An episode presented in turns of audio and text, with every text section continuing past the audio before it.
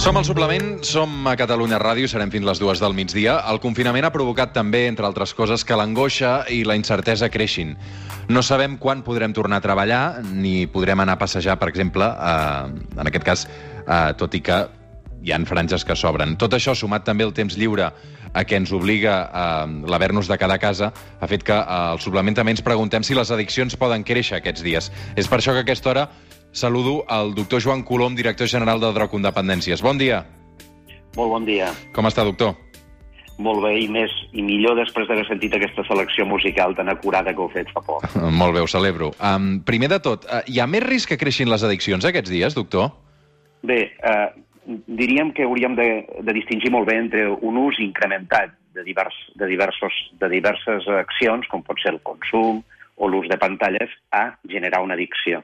Uh -huh. uh, que augmenti l'ús, mm, efectivament, és un factor de risc del desenvolupament d'una addicció, però no és l'únic, perquè perquè puguem diagnosticar una addicció cal a més que aquests usos es perllonguin de forma considerable en el temps, que acabin comportant la incapacitat de dur a terme altres activitats i que, a més a més, aparegui sintomatologia de tolerància i abstinència. És d'esperar, és d'esperar, insisteixo, que la, a la mesura de la norm...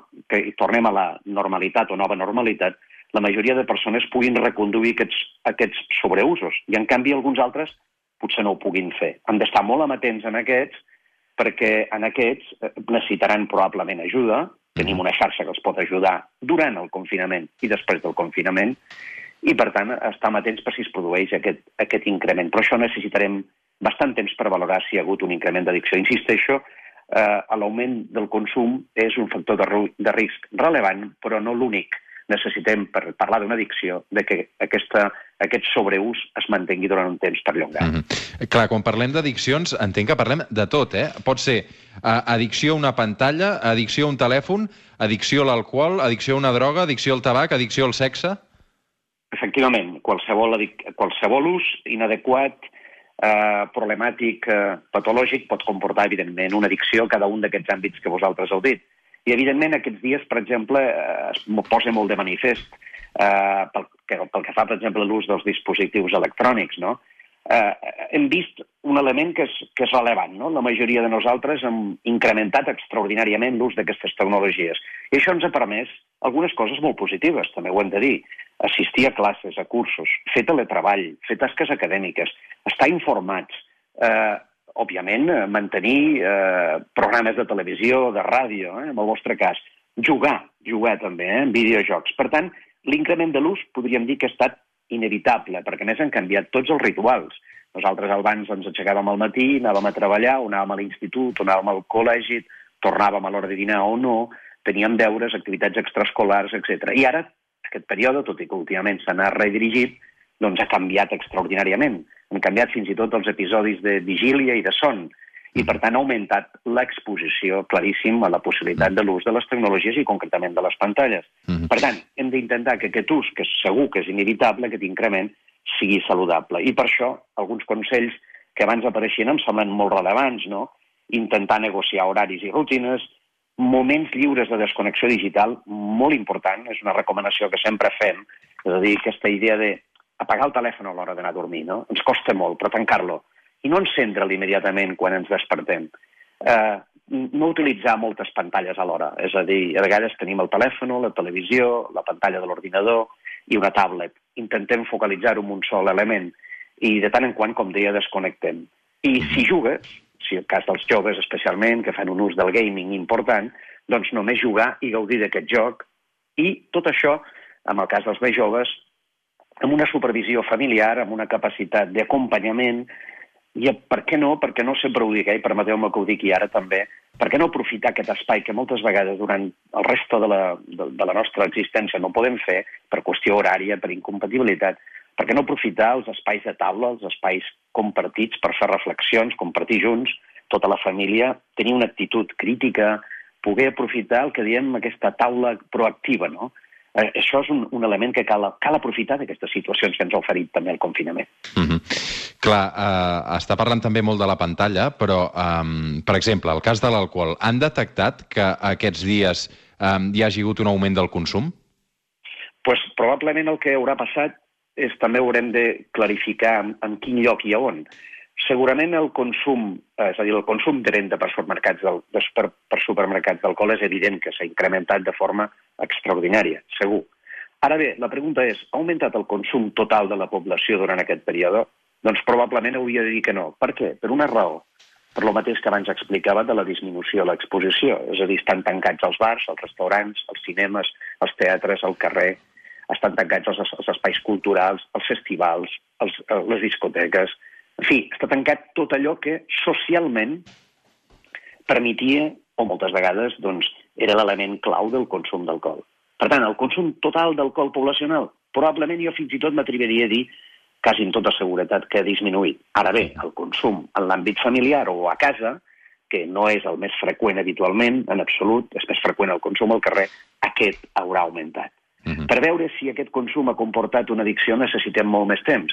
I com deia abans també, que hagi augmentat el consum no vol dir que hagi hagut una addicció. En tot cas, és un bon moment per poder visualitzar i visibilitzar si algun problema previ teníem es posi de manifest i per poder demanar ajuda. Mm. I en el cas del tabac?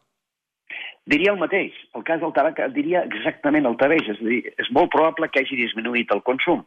Uh, perquè doncs, normalment a casa doncs, moltes persones mantenen el criteri de no fumar amb, entre, entre els familiars i potser ho fan al balcó, a la finestra, etc. Però quan sortíem al carrer hi havia molts més moments per poder fumar. Ara n'hi ha menys. Però, en tot cas, també, si una persona té problemes en el consum, eh, primer de tot el que, li, el que, li, el que diríem és que, que és una bona oportunitat també per deixar de fumar. I en això hi ha una, una web molt interessant, que és Atenció Primària Sense Fum, del departament, que l'ajudaran precisament a deixar de fumar de forma bastant senzilla, amb cinc passos molt, molt concrets. I si no pot, evidentment, sempre tindrà el suport de l'equip assistencial a distància que el pot ajudar a fer-ho.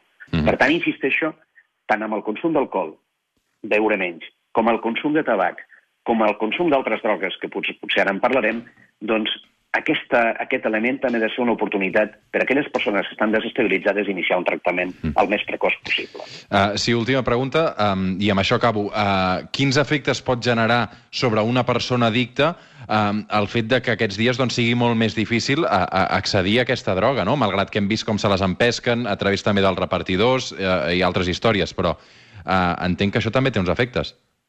Efectivament, és a dir, tota l'angoixa i l'ansietat que pot comportar doncs, aquest període de temps, sobretot per les persones que no estan estabilitzades, perquè les que estan estabilitzades i en tractament segurament ho porten molt millor, pot comportar estats emocionals diversos. De fet, la persona addicta és una persona amb un estat emocional molt inestable. Parlem d'una muntanya russa emocional, moltes vegades, no?